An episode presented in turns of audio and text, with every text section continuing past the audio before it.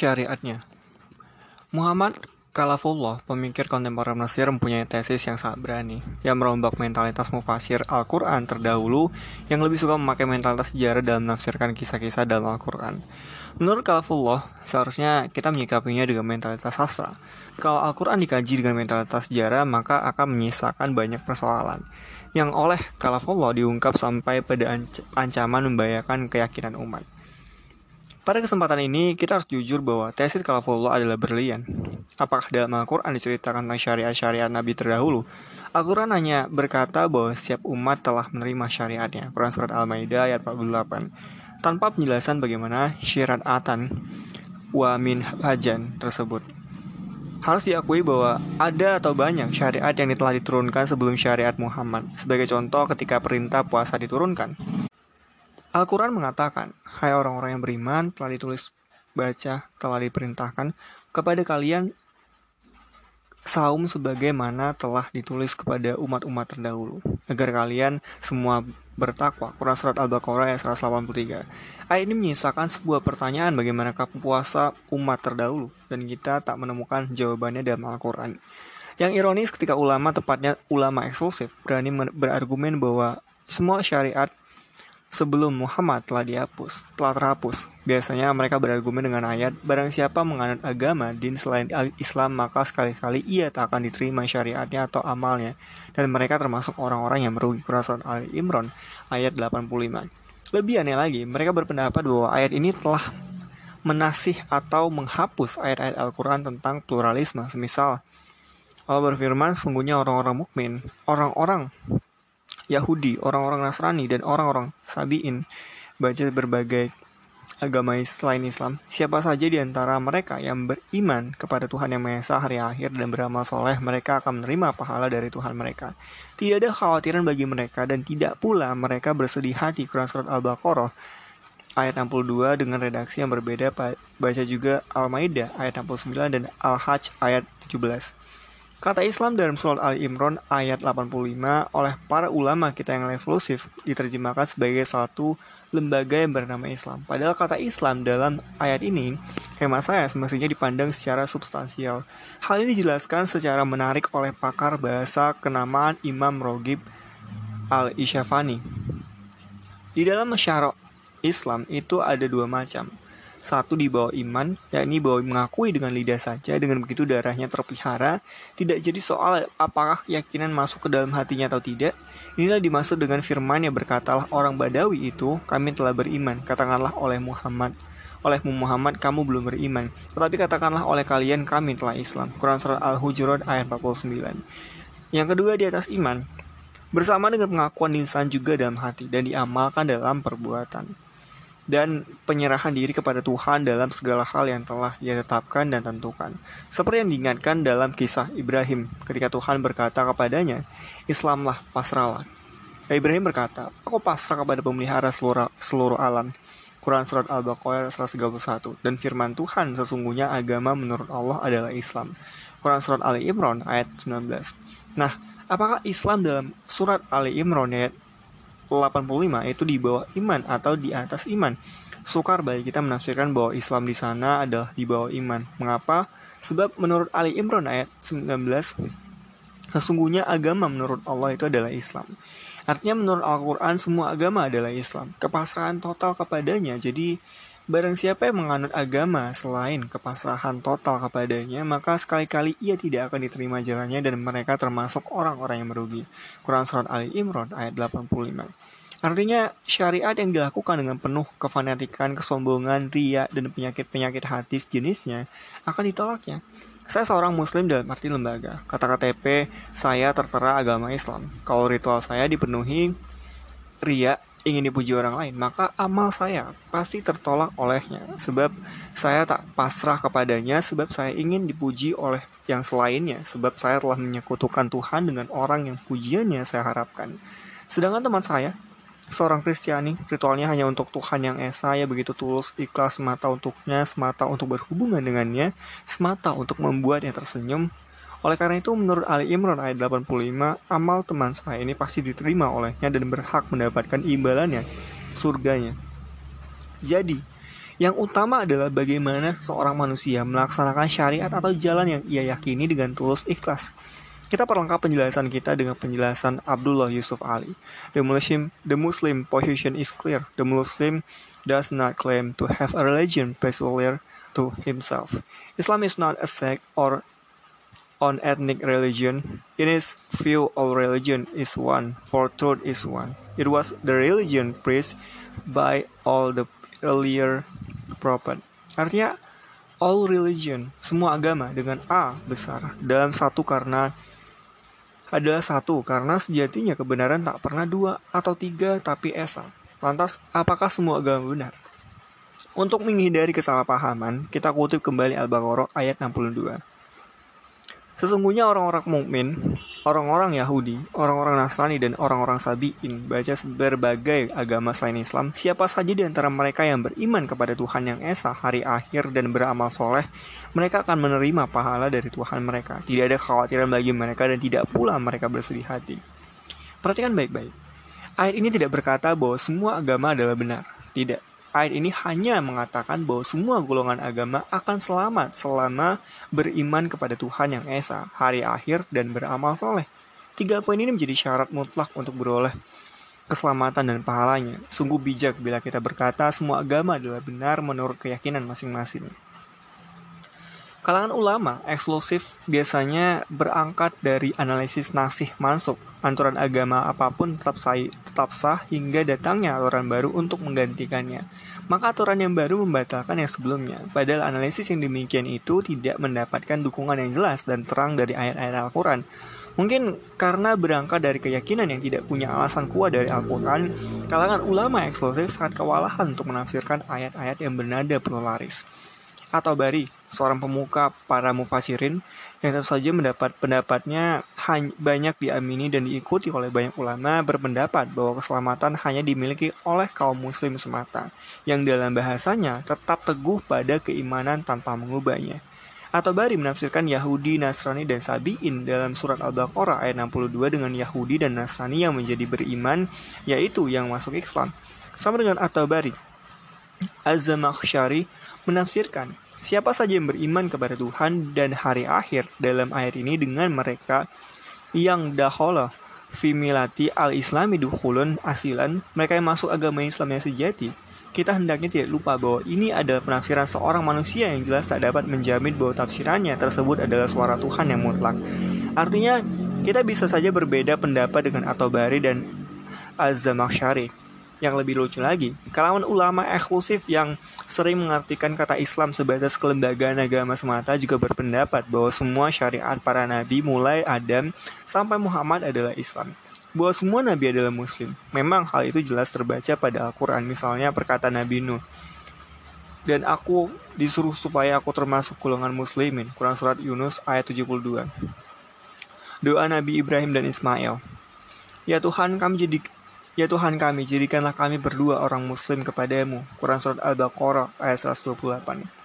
Wasiat Nabi Ibrahim dan Yakub kepada anaknya, Hai anak-anakku, sesungguhnya Tuhan yang Esa telah memilih agama ini bagi kalian semua, maka janganlah kalian mati kecuali dalam keadaan muslimun. Quran Surat Al-Baqarah ayat 132 Perintah Nabi Musa kepada kaumnya, maka bertakwalah kepadanya jika kamu sekalian benar-benar kaum muslimin. Quran Surat Yunus ayat 84 Pembicaraan tentang kitab Taurat yang dengan dengannya Taurat para nabi telah beraslamu. Quran surat Al-Maidah ayat 44. Doa Nabi Yusuf, wafatkanlah aku dalam muslimin dan gabungkanlah aku bersama orang-orang saleh. Quran surat Yusuf ayat 101. Doa para ahli sihir Fir'aun yang telah beriman kepada Nabi Musa. Ya Tuhan kami, limpahkanlah kesabaran kepada kami dan wafatkanlah kami dalam keadaan muslimin. Quran surat Al-Araf ayat 126. Ikrar keimanan Ratu Saba.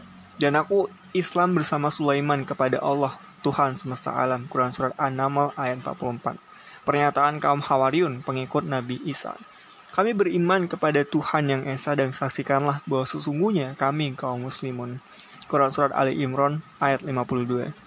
Benarkah syariat Tuhan dari mulai dahulu adalah Islam? Benar kita akan kesulitan memahami hal ini jika pengertian Islam dalam ayat-ayat tersebut diartikan sebagai lembaga agama, yaitu lembaga agama Islam. Sebab jelas-jelas Al-Quran berkata, kami tidak mengutus seorang rasul kecuali dengan lisan kaumnya supaya dapat memberikan penjelasan kepada mereka. Quran Surat Ibrahim ayat 4. Apakah mungkin Nuh menamakan agamanya dengan Islam? Apakah mungkin Ibrahim menamai agamanya Islam?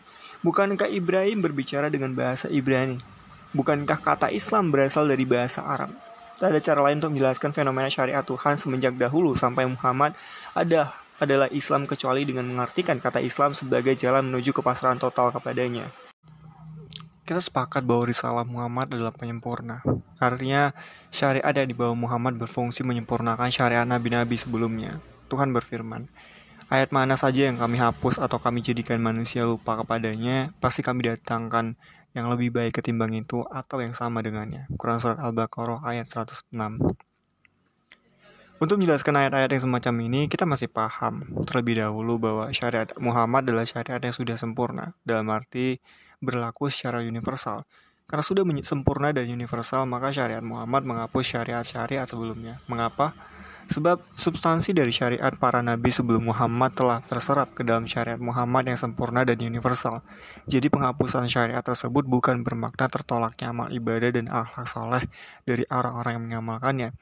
Penghapusan itu sekali lagi semata-mata makna hakiki dari telah sempurnanya syariat Tuhan dengan kedatangan syariat yang dibawa Muhammad. Sehingga substansi syariat-syariat sebelumnya terserap ke dalamnya.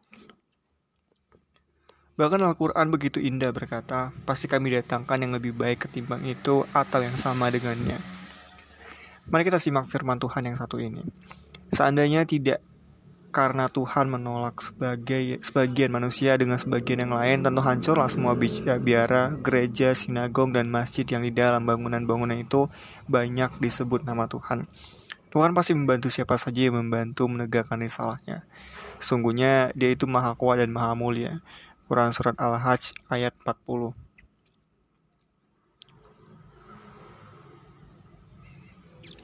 Ayat di atas jelas mengisyaratkan bahwa Tuhan melindungi semua tempat ibadah sebab di semua tempat ibadah banyak disebut namanya yang bisa bernama Allah, Tien, Bapa, Yahweh, Wisnu atau lainnya. Singkatnya ada hak bagi setiap kelompok untuk mengamalkan ajaran mereka masing-masing. Dengan demikian jelas sudah bahwa Hak tersebut merupakan syarat diterimanya amal baik mereka olehnya. Walau demikian, karena risalah Muhammad adalah risalah penyempurna, maka seseorang tidak akan sampai kepada kesempurnaan spiritual jika tidak mengikuti dan tidak mengamalkan risalah Muhammad tersebut. Murtada Mutahori menjelaskan hal ini. Syariat Islam adalah syariat yang mencakup ajaran-ajaran yang secara pasti mengantarkan tercapainya kesempurnaan spiritual. Betapapun seorang non-muslim bersikap netral dan tidak fanatik, ia tetap tidak bisa meraih manfaat dari syariat Islam yang menjamin tercapainya kesempurnaan spiritual. Manusia semacam itu akan tetap tidak mendapatkan manfaat dari ibadah-ibadah besar seperti sholat lima waktu, puasa Ramadan, dan ibadah haji ke Baitullah. Perumpamaan orang seperti ini adalah ibarat seseorang yang menaburkan benih tanpa mengikuti aturan-aturan pertanian. Jadi betapapun bersungguh-sungguhnya, ia tetap tidak akan memperoleh hasil seperti yang diperoleh seorang petani yang berpijak pada aturan permainan yang benar, yang membajak dan menabur benih di atas yang di saat yang tepat, lalu menuai pada pada waktunya. Ringkasnya, petani tersebut bertindak sesuai dengan langkah-langkah sistematis, ilmiah, dan metodologis. Seorang muslim memiliki peta kerja yang benar, sedangkan seorang non-muslim sekalipun mengakui keberadaan Tuhan yang esa dan meyakininya, perbuatan-perbuatannya tidak akan sejalan dengan aturan yang benar. Dengan kata lain, seorang muslim telah mendapatkan petunjuk, sedangkan seorang non-muslim sekalipun meyakini Tuhan yang esa, ia tetap kehilangan petunjuk yang sempurna. Sekiranya mereka berserah diri, sungguh mereka telah mendapatkan petunjuk. Quran Surat Al-Baqarah ayat 20 Mari kita renungkan firman Tuhan di bawah ini. Untuk tiap-tiap umat di antara kamu, kami berikan aturan dalam jalan-jalan yang terang. Syiratan wa min hajan. Sekiranya Tuhan menghendaki, niscaya kamu dijadikannya umat yang satu saja. Namun Tuhan hendak menguji kamu terhadap pemberiannya kepadamu, maka berlomba-lombalah untuk berbuat baik hanya kepada Tuhan kamu semua kembali. Allah diberitahukannya kepada kamu apa yang telah kamu perselisihkan itu. Quran Surat Al-Ma'idah ayat 48 Tuhan telah berkehendak bahwa syariat jalan menujunya adalah banyak. Meminjam istilah ulama tasawuf sebanyak tarikan napas, meski begitu, pluralisme bukan berarti semua agama adalah sama. Perbedaan sudah menjadi kenyataan. Dengan perbedaan ini Tuhan hendak menguji kita semua seberapa banyak kontribusi kebaikan kita kepada umat manusia dan alam semesta. Tuhan mengendaki agar setiap kelompok bersaing atau berlomba-lomba untuk mensejahterakan umat manusia dengan kebaikan. Dan semua agama atau semua kelompok tersebut Islam, Yahudi, Nasrani, Buddha, Hindu, Konghucu, dan sebagainya pada akhirnya akan kembali juga pada Tuhan. Artinya hanya tugas dan wewenang Tuhan semata yang berhak menyelesaikan perbedaan di antara berbagai agama. Kita tidak punya sedikit pun kuasa untuk mengklaim bahwa agama lain di luar agama kita akan kembali ke neraka karena semua kembali kepada Tuhan. Agar lebih jelas, mari kita kutip uraian Rashid Ridho. Hukum Tuhan itu adil dan sama yang memperlakukan semua pemeluk agama dengan sunnah yang sama, tidak berpihak kepada satu kelompok dan menzolimi kelompok lainnya. Ketetapan dari sunnah ini adalah bahwa bagi mereka pahala tertentu dengan janji Tuhan melalui lisan Rasul mereka, tidak ada ketakutan bagi mereka dari siksaan Tuhan. Tidak masalah kalau tidak menyatakan iman kepada Muhammad SAW Ayat ini menjelaskan perlakuan Tuhan kepada setiap kelompok atau umat yang mempercayai nabi dan wahyu-wahyu masing-masing, yang mengira bahwa kebahagiaan pada hari akhir seakan-akan pasti dan akan tercapai hanya karena ia muslim, Yahudi, Nasrani, dan Sabiah. Misalnya, maka Tuhan berfirman bahwa kebahagiaan Al-Faus bukan karena lembaga keagamaan. Keselamatan hanya akan tercapai dengan, dengan iman yang benar, yang menguasai jiwa dan amal yang memperbaiki manusia. Karena ini, tertolaklah anggapan bahwa keputusan Allah bergantung pada angan-angan ahlul kitab. Sudah diterapkan bahwa keputusan Allah bergantung pada amal baik dan iman yang benar. Ada orang yang lalai oleh angan-angan, akan mendapat ampunan sampai ia keluar meninggalkan dunia tanpa kebaikan padanya. Mereka berkata, kami berbaik sangka kepada Tuhan. Mereka bohong. Kalau berbaik sangka kepada Tuhan, pasti mereka beramal baik. Pelajaran berharga dari Tuhan adalah kecaman kecamannya kepada orang-orang yang terbuai karena mempunyai satu hubungan dengan agama secara lahiriah semata. Keterbuaian inilah yang memalingkan mereka dari amal, sehingga merasa cukup dengan menisbatkan dirinya pada lembaga agamanya. Sebagai penutup penjelasan tentang adanya kontinuitas risalahnya dari Adam sampai Muhammad, mari kita simak penjelasan kitab Muhyiddin Ibnu Arabi. Khusus Al-Hikam yang diberi syarah oleh Aisyah Abdul Al-Rozak Al-Koshani. Dalam kitab ini jelaskan tentang adanya konteks sejarah bagi ajaran agama-agama sehingga menghasilkan manifestasi lahiriah yang berbeda-beda. Padahal ini semua agama tersebut adalah benar sepanjang ajarannya tentang pasrah kepada Tuhan yang Esa berdasarkan kepercayaan kepada Tuhan yang Maha Esa. Jika cara turunnya ajaran ke dalam jiwa para nabi itu yang dimaksud dengan kesatuan cara yang diturunkannya, semua ajaran dari Tuhan Lalu mengapa agama para nabi berbeda-beda? Jawabnya karena adanya perbedaan kesiapan antara berbagai umat tersebut. Maka berbeda pula bentuk-bentuk jalan tauhid dan bagaimana jalan itu ditempuh. Adapun maksud, tujuan, dan hakikat metode itu semuanya satu. Seperti jari-jari yang menghubungkan garis luar lingkaran dengan titik pusat lingkarannya, jari-jari tersebut merupakan jalan-jalan yang berbeda-beda menurut perbedaan garis yang menghubungkan antara titik pusat lingkaran dengan setiap titik yang ditentukan pada garis lingkar luarnya. Sama juga dengan cara pengobatan yang berbeda-beda, namun tujuannya adalah satu, yakni kesehatan. Semua cara pengobatan sebagai cara menyingkirkan penyakit dan mengembalikan kesehatan adalah satu. Maka begitu pula cara turunnya ajaran kepada para nabi adalah satu. Dan tujuannya ialah hidayah ke arah kebenaran. Jadi jalan tauhid pun satu, tetapi perbedaan kesiapan umat manusia mengakibatkan perbedaan agama dan aliran. Sebab perbaikan setiap umat ditempuh dengan menghilangkan keburukan yang khusus ada padanya, dan hidayah mereka bersumber dari berbagai sentra dan martabat yang berbeda-beda menurut tabiat dan kejiwaan mereka.